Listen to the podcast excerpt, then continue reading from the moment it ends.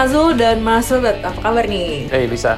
Nah, kabar baik. Ya, jadi eh, sebelum kita mulai episode kali ini, gue punya tebak-tebakan, tebak-tebak lagu. Hmm, apa tuh? Nah, silakan nih didengar lagunya. Ini lagu apa nih judulnya? Sorry Bang Jago, ampun Bang Jago.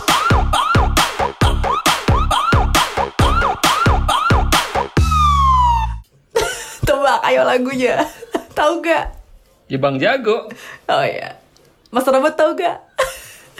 Eh, ini I- i- itu yang dipakai itu loh. Ada orang yang viral, ada orang apa lagi dancing itu loh pada saat Iya, Iya, eh, iya. benar. apa kudeta di Myanmar itu loh, Bet. oh Pakai lagu Bang Jago ini gitu. Iya. Jadi bagaimana in- menginternasionalnya sebenarnya produk Lagu. budaya Indonesia. lagu Bang Jago ini.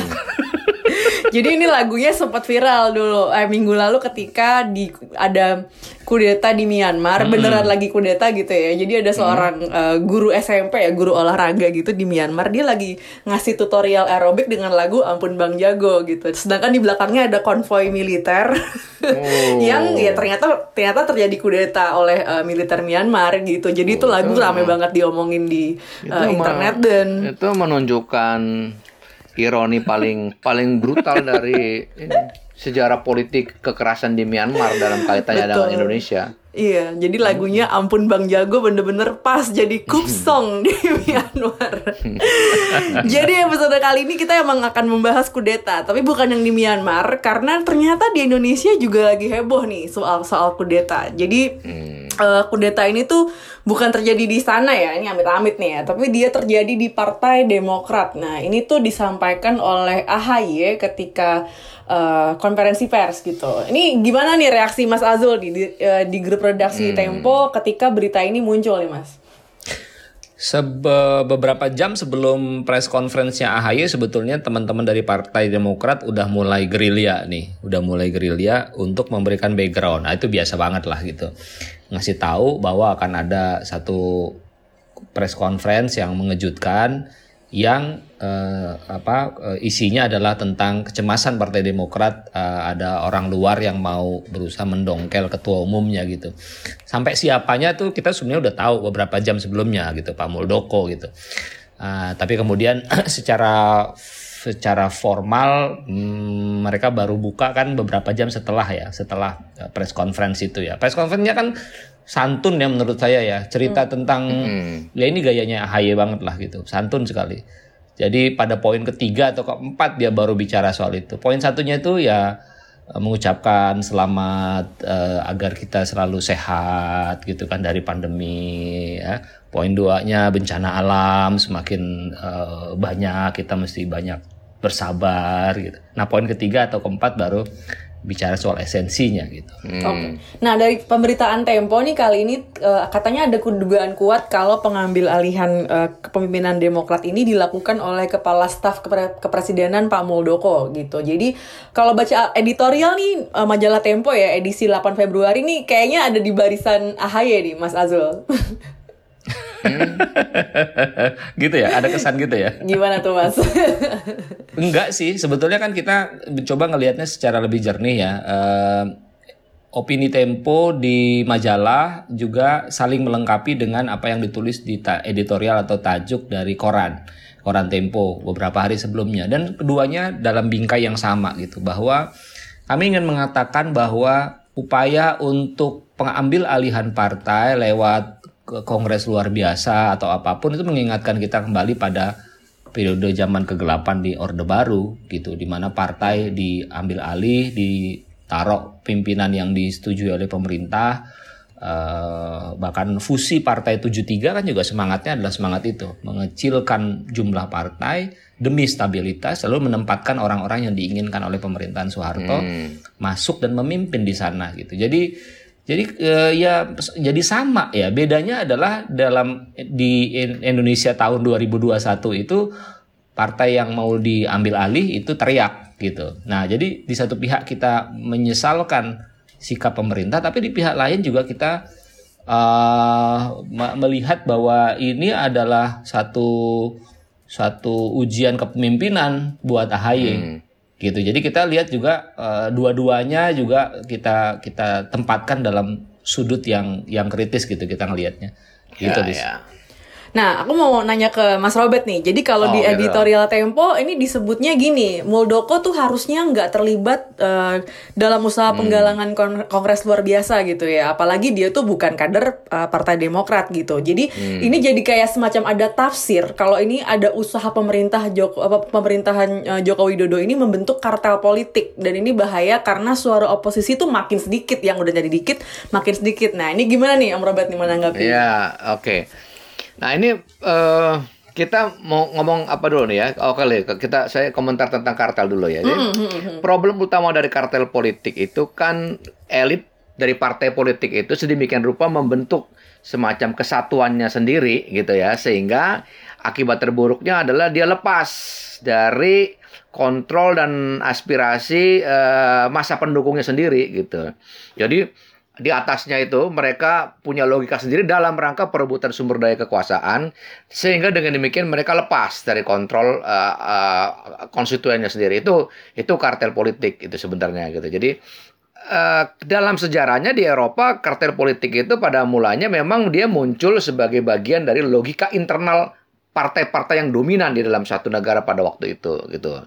Nah, cuma dalam konteks Indonesia, sekalipun kita sekarang ada dalam kehidupan kepart- multipartai yang dalam sistem politik yang demokratik gitu, politik kartel ini juga ditambah ditambah dengan satu kekhawatiran tertentu gitu loh. Ber- karena kita punya sejarah eh, otoritarianisme di mana kehidupan kepartaian itu uh, pernah sedemikian rupa di bukan hanya di diberangus ya, tetapi juga dikendalikan oleh negara dengan berbagai macam cara. Nah, itu jadi eh, psikologi politik yang tumbuh sekarang berkaitan dengan kehidupan kepartaian itu eh, ya memang selain dari apa kartel politik lalu aja oligarki, lalu klientelisme gitu. Itu juga kita masih ada di dalam bayang-bayang apa sejarah eh, politik Orde Baru sebagaimana tadi yang disebut oleh Kak Arif Julkifli tadi itu bahwa eh, apa eh, ini eh, intervensi kepada par- partai politik, ya, rekayasa politik untuk apa untuk eh, main-main gitu ya untuk mengganggu satu partai politik tertentu itu itu punya bekas dalam sejarah politik Indonesia gitu. Oleh karena itu saya kira memang terlepas dari bahwa kita eh, eh, hidup dalam era multipartai sekarang ini, tetapi apa kekhawatiran atau keprihatinan untuk apa neg- satu model negara yang intervensionis gitu itu saya kira juga masih ada cukup alasan gitu. Hmm. Nah itu Oke. gitu ya. Nah, st- ah, itu pertama soal kartel. Hmm. Yang kedua, soal apakah sejauh mana apa yang terjadi pada dalam dalam kasus Demokrat itu menunjukkan eh, apa intervensi kekuasaan gitu ya. Yang dalam kekuasaan dalam dalam arti set, eh, rezim secara keseluruhan gitu. Nah, dari segi ini saya sih sebenarnya saya yang baru saya lihat adalah keterlibatan elit elit di dalam kekuasaan yaitu Pak Muldoko dalam hal ini yang memang secara terbuka mengatakan bahwa eh, dia ya hanya saya ketemu memang ketemu tapi hanya ngobrol-ngobrol di rumah dan segala macam itu. Dan kemudian di counter dengan bukti-bukti lain dari versi Partai Demokrat gitu. Itu yang saya lihat gitu. Jadi nah cuma problemnya ini kan begini. Nah ini di sinilah kita kemudian tiba pada kritik etis katakanlah gitu kepada Muldoko yaitu begini Eh, dalam tindakannya itu, ini kan ya kita ngomong politik, kita ngomong tindakan etis ya. Dalam tindakannya itu kan yang jadi soal adalah Pak Muldoko ini adalah orang yang sedang memegang jabatan. Dan jabatannya itu bukan main-main ya. K- KSP, Kepala Staf apa Presiden ya. Presiden, ya. Nah, artinya dia yang dalam satu segi yang namanya kepala staf itu kan dia yang merupakan representasi dari eh, kepolitikannya Pak Jokowi gitu loh, ya kan? Ya. Jadi, nah di situ ada ada sensitivitas gitu yang yang mestinya dia jaga gitu ya, yang mestinya dia jaga gitu. Karena orang bisa dengan eh, jadi jangan salahkan orang juga gitu. Kalau kemudian orang bisa menuduh eh, secara secara lebih meluas hal-hal seperti itu. Eh, bukan karena orang salah salahnya orang, bukan juga salah analisisnya orang, tapi ya karena salah kesalahan dari si pejabat publik sendiri ketika mengambil tindakan tindakan tindakan politik itu gitu. Yang bisa dengan mudah ditafsirkan ke arah adanya intervensi atau adanya uh, apa uh, dorongan yang lebih besar dari center of power untuk uh, cawe-cawe dalam kehidupan kepartaian orang gitu loh. Nah itu hmm. itu. Yeah. Aku mau nanya ke Mas Azul lagi nih Mas. Uh, jadi hmm. AHY ini kan sampai bersurat ke Jokowi. Uh, jadi hmm. ini apa-apa tuduh Jokowi gitu. uh, Sebenarnya temuan Tempo di lapangan gimana Mas Azul? Ya sampai sekarang kan belum ada bukti yang keras bahwa Jokowi berada di belakang uh, aksi yeah. kalau boleh dibilang begitu dari Pak uh, Muldoko ya. Nggak ada ya, nggak ya, ada bukti keras gitu. Tapi saya kira orang bisa mengaitkan. Nggak mungkin deh gitu kalau kita bicara sama orang-orang Demokrat.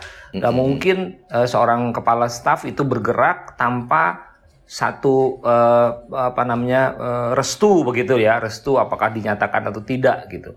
Pasti ada gitunya tapi itu kan analisa gitu Uh, selain itu juga orang bisa mengatakan di in, in the other side orang bisa mengatakan buat apa lagi sih uh, Jokowi berusaha mengambil alih dalam tanda kutip uh, Demokrat? Kan sebetulnya dia sudah menguasai uh, persentase yang sangat besar dari suara-suara partai politik di parlemen uh, sehingga kebijakan-kebijakan dia seperti kita lihat selama ini itu aman. Hanya ada Demokrat dan PKS gitu. Yang lain-lain pada praktis sudah masuk semua dia sebetulnya ngapain lagi gitu. Hmm. Kalau dia ambil Demokrat ke dalam, maka dia membesarkan PKS. Sebuah partai yang secara ideologi berbeda dengan aspirasi yang selama ini dia bawa gitu. Jadi pluralisme, nasionalisme gitu. Sementara PKS akan dianggap sebagai partai berbasis agama dan lebih uh, sempit barangkali ruang lingkupnya gitu. Jadi sebuah langkah yang menurut uh, uh, banyak orang uh, berlebihan gitu. Analisa lain, nah memang macam-macam nih analisanya ya. Analisa lain mengatakan bahwa oh uh, Jokowi nggak sedang mikirin soal sekarang kok untuk memperkuat barisan dia di parlemen supaya kebijakan dia tambah kuat. Enggak, karena praktis dia udah cukup dengan partai yang ada. Jadi apa yang dia pikirkan? Nah, analisa yang lain mengatakan bahwa oh ini sebenarnya urusannya pasca 2024 hmm. gitu. Hmm. Karena kalau Demokrat uh, diambil alih oleh orang yang dipercaya oleh Jokowi dalam hal ini Pak Muldoko maka Pak Jokowi punya alternatif alternatif eh, partai-partai yang bisa membackup dia pasca 2024 gitu. Uh, bukan sekedar partai yang sudah ada, eh, PDIP, Golkar, Partai Nasdem yang belum tentu bisa memberikan jaminan uh, kepada Pak Jokowi pasca 2024, tapi juga ada tambahan lain gitu. Jadi ada tambahan uh, tempat ber, ber apa tempat singgah barangkali begitu ya. Nah ini analisa berikutnya, tapi kita nggak pernah bisa tahu sebetulnya apa yang terjadi. Dan saya kok yakin juga tidak akan bisa kita temukan sebetulnya apakah betul uh, langkah Pak Muldoko itu direstui oleh uh, apa namanya presiden. Nah yang saya dengar adalah justru isu ini tidak terlalu berkembang di kalangan pemerintahan gitu. Mm, okay. uh, eh, misalnya yang saya dengar uh, di rapat kabinet misalnya itu uh, isu ini tidak banyak dijadikan bahan diskusi, diskusi bukan dalam rapat tapi dalam obrolan gitu malah dijadikan gurau-gurauan aja gitu. Hei Pak Ketum apa kabar Pak gitu. Jadi dan itu jadi gurau uh, meledak gitu. Jadi barangkali kalau ini mau dianggap dalam tanda kutip Pak seperti yang dikatakan oleh Partai Demokrat sebagai kudeta dan itu kudeta yang gagal begitu hmm. uh, itu tidak jadi tidak jadi isu di di pemerintahan sendiri gitu. Nah saya lagi khawatir ini ke, karena di dalam percakapan publik bet juga kan nggak terjadi nggak rame kan ini kan nggak rame. Yeah. Jadi orang akan kembali lagi ke, mengatakan ini sebagai kecengengan dari AHY gitu. Hmm. ya ya ya. Aku mau nanya ke Bram nih sekarang. Ya, gimana hmm. apa sih yang bisa kita baca sebenarnya dari pernyataan uh, Pak Muldoko gitu ya? Jangan hmm. ganggu Pak Jokowi. Nah, itu kira-kira apa tuh yang bisa kita artikan dari pernyataan beliau? Ya, uh, saya kira kan itu juga berkaitan dengan surat atau pernyataan dari Ketua Umum Demokrat yang apa yang menyebut bahwa dari dari apa yang mereka informasi yang mereka peroleh disebutkan katanya bahwa apa uh, tindakan untuk apa yang tanda petik ya tanda petik kudeta itu sendiri di apa disebut-sebut didukung oleh diketahui oleh unsur-unsur kekuasaan yang lain katakanlah begitu. Nah, oleh karena disebutlah itu nama-nama pejabat dan apa di, diketahui oleh siapa? Pak Di istilahnya. Pak Lurah atau apa gitu. Uh, Pak Lurah ya kan? Pak Lurah Pak Lurah. Uh, Pak Lurah. Nah itu saya kira dalam rangka itulah kenapa uh, Muldoko dia uh, eh, ketika dia merespon dia mengatakan jangan bawa-bawa itu gitu loh. Dengan itu dia mau mengatakan sebenarnya implisit dia mengatakan ini memang urusan saya sendiri gitu loh. Bisa jadi bahwa memang itu bukan urusan bukan nggak nggak pernah diketahui oleh presiden, gitu Presiden, ya, Eh, bisa ya. bisa jadi memang itu nggak pernah diketahui oleh presiden langkah Ya. apa eh, eh, upaya upaya semacam itu gitu upa- upaya politik semacam Ya. itu bisa jadi semacam itu sehingga Tapi Bet, sorry, aku potong Bet. eh, Kelihatannya kalau dari penjelasannya Pak Muldoko dalam dua kali ya press conference itu dia tidak membantah ya. Hmm. Dia tidak membantah apa yang dituduhkan pada dia gitu. mm-mm. Ya, eh, ada upaya untuk mengambil alih. Yang dia yang dia katakan adalah ada kader-kader. Ini saya membahasakan lagi ya kira-kira ya. Ada kader-kader Partai Demokrat yang tidak percaya kepada kepemimpinan AHY diukur dari eh, jumlah suara pemilu legislatif, eh, kalahnya sejumlah kader PDIP, eh sorry, par- kader Partai Demokrat di eh, pilkada provinsi, kabupaten dan kota gitu, dan dibutuhkannya figur yang eh, bisa merepresentasikan eh, apa namanya Partai Demokrat secara lebih kuat gitu. Jadi saya menangkap ada kesan itu yang dia ingin katakan. Seperti dia mau mengatakan bahwa ya ini power struggling gitu, and I'm Ya, part of ya. that gitu loh. Nah, di sini kita sampai pada pada soal yang eh, krusial untuk mendudukan persoalan ini ya. Eh, persis tadi yang disebutkan oleh Asul tadi itu dalam memandang persoalan ini kita mau meletakkan ini semata-mata dalam sudut pandang analisis eh, kekuasaan ya. Power play power game ya kan? Eh, power competition. Atau kita mau juga sedikit menambahkan eh, eh, kerangka dasar normatif dalam etika kepolitikan eh, demokratik kita gitu loh. Ya kan? Kalau kita mau letakkan dalam eh, semata-mata sebagai apa apa eh, persoal dalam sudut pandang ya udahlah yang namanya partai politik ya kan? Memang urusannya perebutan kekuasaan. Who get what when and how gitu. Itu itu dalam eh, sudut pandang behavioralistik ya kan? Eh, eh, yang paling sederhana tentang apa itu politik gitu. Ya oleh karena itu yang tanda petik yang benar adalah yang menang kan kayak gitu jadinya ya kan?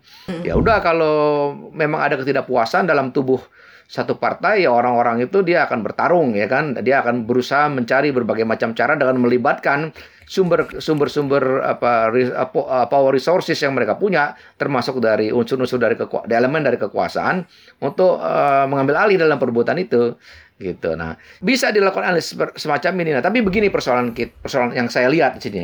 Di Indonesia ini sekarang ada uh, semacam standar ganda dalam melihat politik. Kalau kalau sekarang orang ada dalam posisi pemenang, dia cenderung akan menggunakan cara pandang itu. Yang namanya politik kan emang gitu. Ya kalau lu lem- lemah, lu dimakan lah. Iya, iya. Nah, ya Iya, kan? betul. Tapi kalau waktu dia dalam posisi kalah atau posisi tidak berkuasa, dia akan menggunakan argumen normatif. Iya. Ya, kita nggak boleh gitu dong. Kita mesti menggunakan kerangka begini, begini, begini. Nah, di Indonesia itu prinsip itu tergantung di mana posisi orang. Ini yang menjadi persoalan dalam demokrasi kita. Nah, kan kalau kita padahal yang kita mau adalah mestinya prinsip itu menjadi patokan dalam uh, dalam tindakan politik sebagai satu etika politik dasar baik bagi mereka yang ada dalam uh, sedang memerintah maupun yang sedang diperintah kan mestinya gitu di dua belah pihak. Nah ini saya saya melihat ini ada etika politik yang terbelah dalam praktek politik Indonesia ini sekarang gitu loh. Ini mesti dibenahi gitu loh. Nah dalam sudut pandang itu ya menurut saya gitu eh ya di situlah kita mesti menilai gitu ya apa eh, dari segi etika politik eh, hal yang terjadi ini benar apa salah gitu loh. Oke Ya. oke. Nah, aku mau nanya dulu nih ke Om Robert jadinya. Ah, Penggunaan istilah kudeta itu lebay eh, sehingga mem- membenarkan pernyataan Muldoko pada akhir baperan atau enggak tuh, Mas? Ya, itu kan satu istilah eh, ya itu satu istilah yang dipetik begitu aja untuk sekedar menggambarkan eh, satu upaya perubah upaya penggeseran kekuasaan dari satu partai politik yang dilakukan secara tidak normal dan tidak wajar gitu loh. Kan dalam eh, dalam sirkulasi kekuasaan di satu partai kan pergantian kepemimpinan itu kan normalnya wajarnya pertama dilakukan oleh orang dalam ya kan anggota partai itu kader partai itu dalam satu proses yang normal dan regular kongres atau dalam satu munas partai ya kan nah itu kalau di luar itu ya itu abnormal dan, dan dari, dari segi itu orang ya ambil istilah istilah uh, kudeta aja kayak gitu loh. Oh. Jadi kalau uh, kudeta itu kan untuk menunjukkan bahwa pergantian kepemimpinan satu partai dengan jalan belakang gitu. Ya. Padahal kan yang bagusnya yang namanya perubahan politik di, atau kepemimpinan itu ya semuanya harus menggunakan jalan depan lah karena kan partai politik itu dia ada tanggung jawab publiknya gitu loh. Hmm, dan ada oke. dan karena partai ini hidup oleh karena nafas demokrasi maka secara moral semua partai dan semua orang yang ingin hidup di dalam partai dia juga punya tanggung jawab demokratik itu nah itu yang penting menurut saya Oke, Mas Azul, aku mau nanya nih, Hmm. sebenarnya gimana sih hubungan Pak Muldoko dengan Partai Demokrat dan mungkin terutama dengan Pak SBY gitu ya? Jadi sebenarnya aku lagi nakar-nakar gitu, apakah keputusan AHY ini mengumumkan soal kudeta nih ke ranah publik di sebuah konferensi pers itu tepat atau enggak? Tapi sebelumnya kita kayak perlu tahu dulu tentang hubungannya Muldoko dengan SBY gitu. Ya Muldoko tentu saja adalah juniornya Pak Pak SBY ya. Eh, betapapun Pak Muldoko pernah jadi Panglima TNI, posisi yang eh, belum pernah dicapai oleh Pak eh, SBY gitu. Dan saya lihat nggak ada persoalan gitu, nggak ada persoalan jauh sebelum apa namanya AHY jadi jadi ketua umum, saya kira kita juga dengar ada beberapa pertemuan begitu. Bahkan Pak Muldoko ketika sudah menjadi KSP itu sempat menitipkan nama Pak Marzuki Ali kan untuk menjadi sekjen, ya, untuk menjadi sekjen di eh, kabinetnya Pak AHY. Begitu. Nah, apakah ini sebuah bentuk intervensi begitu karena Pak Muldoko sudah jadi KSP atau itu adalah sebuah permintaan politik tertentu yang disampaikan secara sincere eh, dari Muldoko kepada SBY apa pun alasan dan apa pun kepentingannya gitu. Saya mau mengatakan begini, saya mau mengatakan bahwa sebetulnya tidak ada hubungan yang eh, buruk antara AHY, eh, antara SBY dengan Pak Muldoko gitu. Eh, dilihat dari pertemuan-pertemuan tadi gitu. Nah, eh, yang yang benar adalah yang sudah bisa terkonfirmasi adalah ada hubungan yang baik antara Pak Muldoko dengan kader-kader Partai Demokrat yang kemudian berkumpul atau dikumpulkan, bertemu atau dipertemukan di dalam pertemuan eh, apa namanya di rumah Muldoko di Menteng dan pertemuan lain di sebuah hotel di Kuningan yang kemudian dibeberkan dengan sangat detail oleh eh, kader-kader Partai Demokrat gitu sebagai upaya untuk konsolidasi mereka untuk menjatuhkan AHY gitu kira-kira. Menurut eh, Mas Azul dan Mas Robert nih ting apa tindakan AHY untuk konvers ya dan mengumumkan oh lagi ada kudeta dari eh, elit istana gitu. Itu tepat atau enggak? Nah, Robert dulu deh. Atau baper? Nah, yang gini. Eh, kalau saya lihat itu dalam kerangka kebutuhan politiknya ya, itu kan satu tindakan yang disebut dengan precautionary action. Dia lakukan itu saya kira dalam rangka untuk eh, apa?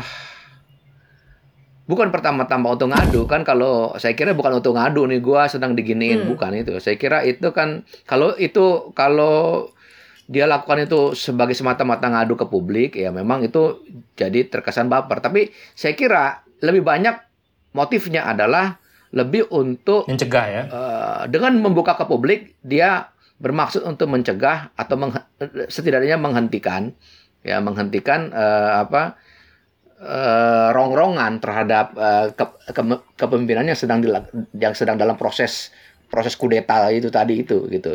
Jadi itu lebih semacam satu lebih semacam praktek politik publik yang apa yang terbuka aja gitu. Dia mau mengatakan bahwa ada yang lagi begini nih di partai saya. Ah kayak gitu gitu. Gimana Mas Azul? Ya saya kira ini kan eh, eh, teknik PRing ya, teknik PRing gitu. Bagaimana dia mau merangkul simpati publik, membentuk opini publik eh, tentang apa yang dialamin. Kita sekarang mungkin bisa mengatakan karena kudetanya belum terjadi atau eh, baru ada attempt gitu ya, usaha begitu. Kita barangkali bisa orang akan mengatakan bahwa ini cengeng ya. eh, eh, apa ngadu-ngadu gitu tapi eh, ceritanya jadi lain kalau kudetanya terjadi dan dan dia Ya. jatuh gitu ya kan ya kan Ya, kalau dia ya. jatuh maka kita akan mengatakan kenapa lu dulu nggak teriak gitu kenapa lu Ya, nggak itu. ngomong ini kan partai juga punya punya konstituen gitu punya pemilih gitu mestinya lu Nah, teriak itu- kan itu- begitu kan kita jadi double standar dalam hal ini Iya. Nah, nah itu persis tadi yang dikatakan itu juga berkaitan tadi yang saya bilang dengan standar ganda itu. gitu. Iya. Jadi ya, standar ganda itu kayak begitu. Kalau eh, dalam sudut pandang yang nggak suka, dia akan bilang, oh lu cengeng, lu apa. Tapi begitu dia misalnya betul tadi yang disebutkan oleh Azul, kalau betul-betul partainya diambil alih gitu, orang bilang ya syukurin lo, lu sih kagak berani, lu sih kagak ini gitu.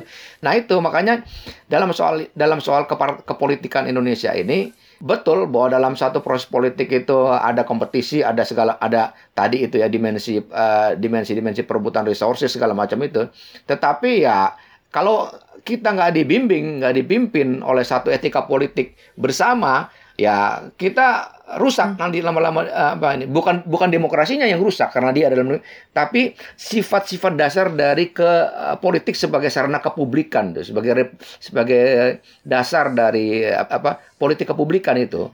Itu itu kita jadi jadi rusak. Jadi sem- eh, semua orang menjadi dalam tanda petik Machiavellian di sini nah ini kan kita nggak mau gitu jadi eh, ayo menurut saya itu dalam dalam dalam soal-soal seperti ini kita mesti punya berpegang sedikit lah pada prinsip-prinsip politik yang yang dasar yang pernah dibilang oleh Hatta, yang pernah dibilang oleh Sarir, yang pernah dibilang oleh Soekarno, oleh Ya, Yamin gitu ya. Itu itu kita mesti pegang lah. Saya mau nanya juga sih sebenarnya a- partai-partai di Indonesia uh, pernah nggak yang uh, mengalami hal tuh seperti yang sekarang dialami Demokrat gitu dan akhirnya berhasil diambil alih uh, pihak luar. Oh, kalau di Orde Baru sih banyak banget ya.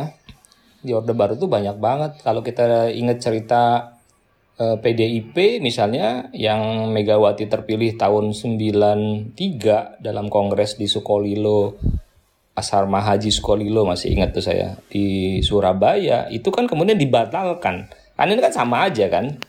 Ya kan? Lalu terjadilah perpecahan sampai akhirnya lahir PDI PDIP, PDI Perjuangan gitu. Eh saya kira juga itu terjadi di P3 eh, kalau Golkar udah pasti bisa dikendalikan dan sebelumnya adalah upaya-upaya untuk meng, apa mengendalikan partai-partai sehingga dengan mudah mereka bisa disatukan pada tahun 73 dalam fusi partai kan. Kan partai kita sebetulnya banyak Iya, kan iya. eh, sebelumnya. Jadi di 73 kira-kira berapa tahun tuh? 4 tahun setelah Soeharto berkuasa dia ringkes tuh, diringkes dan diringkus partai-partai itu menjadi tiga aja gitu. Yang agama ke P3, yang eh, nasionalis ke PDIP. Bukan sekedar orang dan organisasinya, tapi seluruh simbol-simbol, ikon-ikon dari partai-partai itu diringkus betul. Misalnya apa? Misalnya P3 itu dulu ininya Ka'bah apa namanya? Simbolnya itu Ka'bah gitu. Ka'bah itu terlalu terlalu apa? Terlalu menjurus pada satu satu simbol agama tertentu. Ganti bintang gitu kan. Nah, itu kan itu kan semua dilakukan untuk meringkus eh, kekuatan politik. Jadi memang tidak ada demokrasi gitu.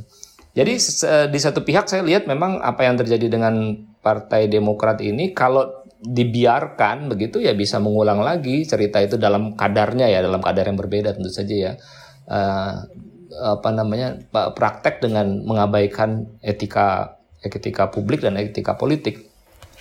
Oke. Mas Robert aku mau nanya sih, di antara semua partai di Indonesia ada nggak sih yang punya eh, kaderisasi tuh yang ideal gitu, yang baik? Hmm, bagus pertanyaannya. Hmm, Hmm, sekarang, Dulu kayaknya lebih terlepas nggak mungkin. dari Iya, iya. Menurut saya sih terlepas dari ininya ya, per- perbedaan dalam karakter ideologi, menurut saya salah satu partai yang bagus dalam meng- dalam soal kader ya partai PKS ya. Da- Dari dari soal dalam soal apa pendidikan kader dan mereka dimulai dari kader. Mereka juga misalnya eh, ya itu kan juga kelihatan begini ya.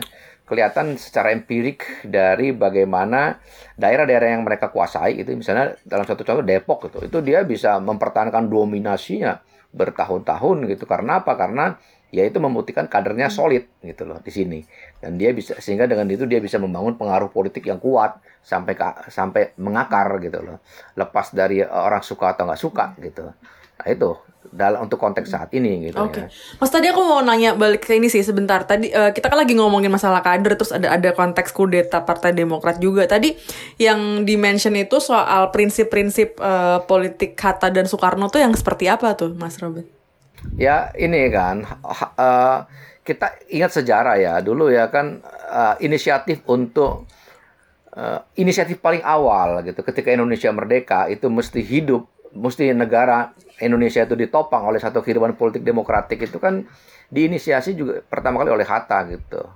Waktu dia uh, maklumat Hatta itu kan sangat terkenal. Yang begitu Indonesia mer- merdeka maka dia mulai menginstall kemerdekaan itu dengan satu uh, institusi kepolitikan demokratik. Yaitu apa? Kita mesti punya partai-partai politik kata Hatta ya kan? Jadi Hatta dia tahu sekalipun dia Hatta ya sekalipun dia bersama Soekarno adalah dianggap sebagai proklamator dan segala macam itu tapi dia tahu bahwa eh, apa satu satu negara yang sehat dan demokratik itu dia mesti diisi oleh satu proses eh, reproduksi kekuasaan dan yang re- yang reguler, yang teratur, yang basisnya adalah kedaulatan rakyat gitu loh.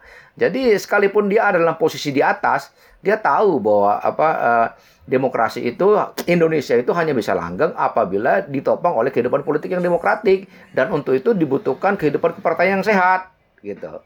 Nah, itu dia dia dia yang inisiatif untuk bikin supaya partai-partai itu tumbuh, hidup gitu loh. Nah, mestinya cara berpikir semacam ini juga terus menjadi pikiran dari seluruh elit eh, elit Indonesia sekarang.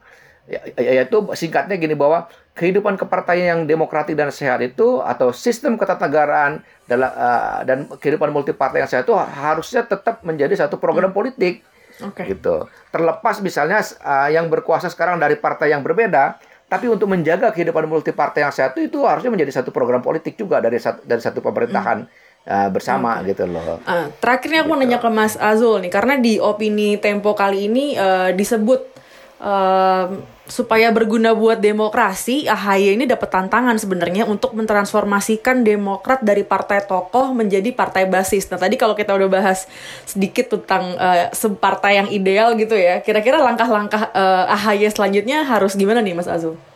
Ya, eh, inilah ya. Memang AHY ini kan sialnya menjadi penerus dari Pak SBY eh, setelah kepemimpinan di luar darah biru SBY itu dianggap gagal.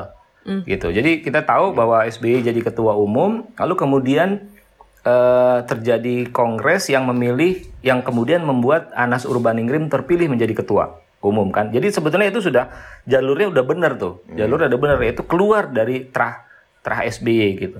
Nah, tapi kemudian kita tahu eh, Anas terlibat dalam kasus eh, korupsi yang membuat dia harus dipenjara. Sehingga mungkin ini semacam godaan juga buat SBY untuk mengembalikan eh, Partai Demokrat ke dalam terahnya gitu. Jadi eh, ruh Partai Demokrat itu adalah ruh Yudhoyono. Sehingga pilihannya adalah waktu itu kalau nggak Ibas ya AHY gitu.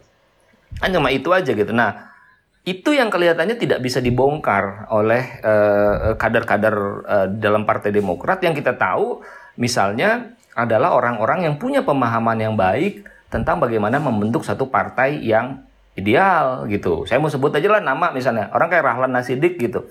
Rahlan Nasidik kurang kurang pintar apa, kurang tahu apa gitu. Tapi pada akhirnya dia juga harus masuk dan mengalir dalam sungai logika eh, apa namanya kedarah biruan itu gitu sampai sekarang gitu. Nah, dalam konteks inilah menurut saya eh, eh, Demokrat ditantang bukan cuma SBY dan AHY ya, tapi Partai Demokrat ditantang untuk bisa mentransformasikan diri gitu.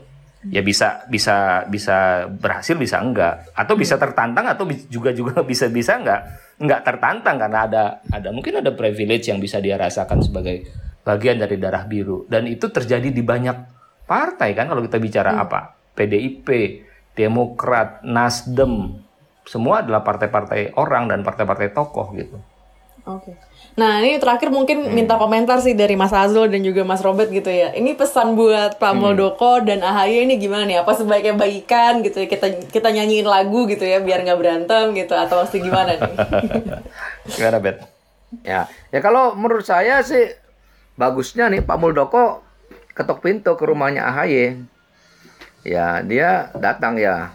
Mungkin dia minta maaf sebentar lalu bilang saya mau daftar menjadi anggota partaimu dan kalau boleh nanti kalau sudah diterima sebagai kader kongres ke depan saya mau maju Iya. gitu atau kalaupun nggak nunggu kongres bisa nggak eh, saya dicalonkan oleh Partai Demokrat untuk menjadi capresnya Partai Jujur Demokrat. aja ya Mas ya. Ah, jujur aja, datang aja ketemu atau ngomong dulu ke ya ke, ke AHY lah sebagai ketua umumnya atau mau kalau mau ke SBY dulu juga boleh. Jadi kan lebih enak kayak Kekeluargaan. begitu. Mas Azul gimana Mas? Ah, Ya ya ya bukan kekeluargaan tapi ya lewat pintu depan ngomong aja. gitu. Terang-terangan ya Mas ya.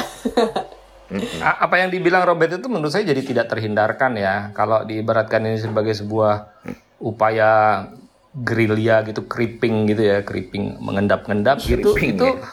itu kalau di dalam perang tuh kepalanya udah kelihatan gitu loh. Jadi kurang nunduk kan. Nah, kepalanya kelihatan terus dibuka gitu. Ya kan akhirnya jadi dan tidak dibantah juga oleh Pak Muldoko. Jadi memang apa yang disarankan oleh Robert jadi nggak terhindarkan gitu.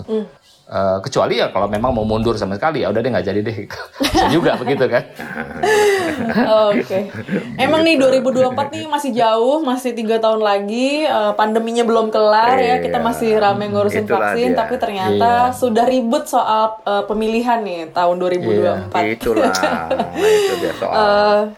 Kita masih mikir hidup itu dua minggu ke depan gimana. Iya gitu. nih gue. iya benar. Ini kita sampai dengan tes PCR berikutnya masih negatif nggak nih kan gitu Iya? Negatif benar. bangsa. Masih deg-degan kita hidup, ya.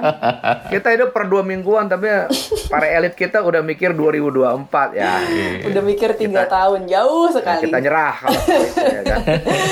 Oke, thank you banget yang udah dengerin eh, apa kata Tempo sampai sejauh ini gitu ya. Jangan lupa bagi pendapat kamu dengan hashtag eh, apa kata Tempo eh, atau langsung email aja kalau pengen kolaborasi barengan dengan podcast ini gitu. Om Robert ada Twitter nggak nih? Handle Twitternya? Enggak aku. Enggak ya. Sudah jauh-jauh ya dari dunia. Sudah jauh. Twitter Itu dan terlalu duniawi buat Robert. Iya. Aku sekarang makin Uhrawi. makin umroh, makin mencari kedamaian batin. Oh iya, siap. Oke, makasih banget eh, Mas Robert udah gabung barengan Iya, terima sama kasih. saya dengan Mas. Azul di podcast Thank Kata. Tempo. Terima kasih Thank you. semuanya sudah dengerin. Oke, semuanya. Bye bye. Bye, bisa.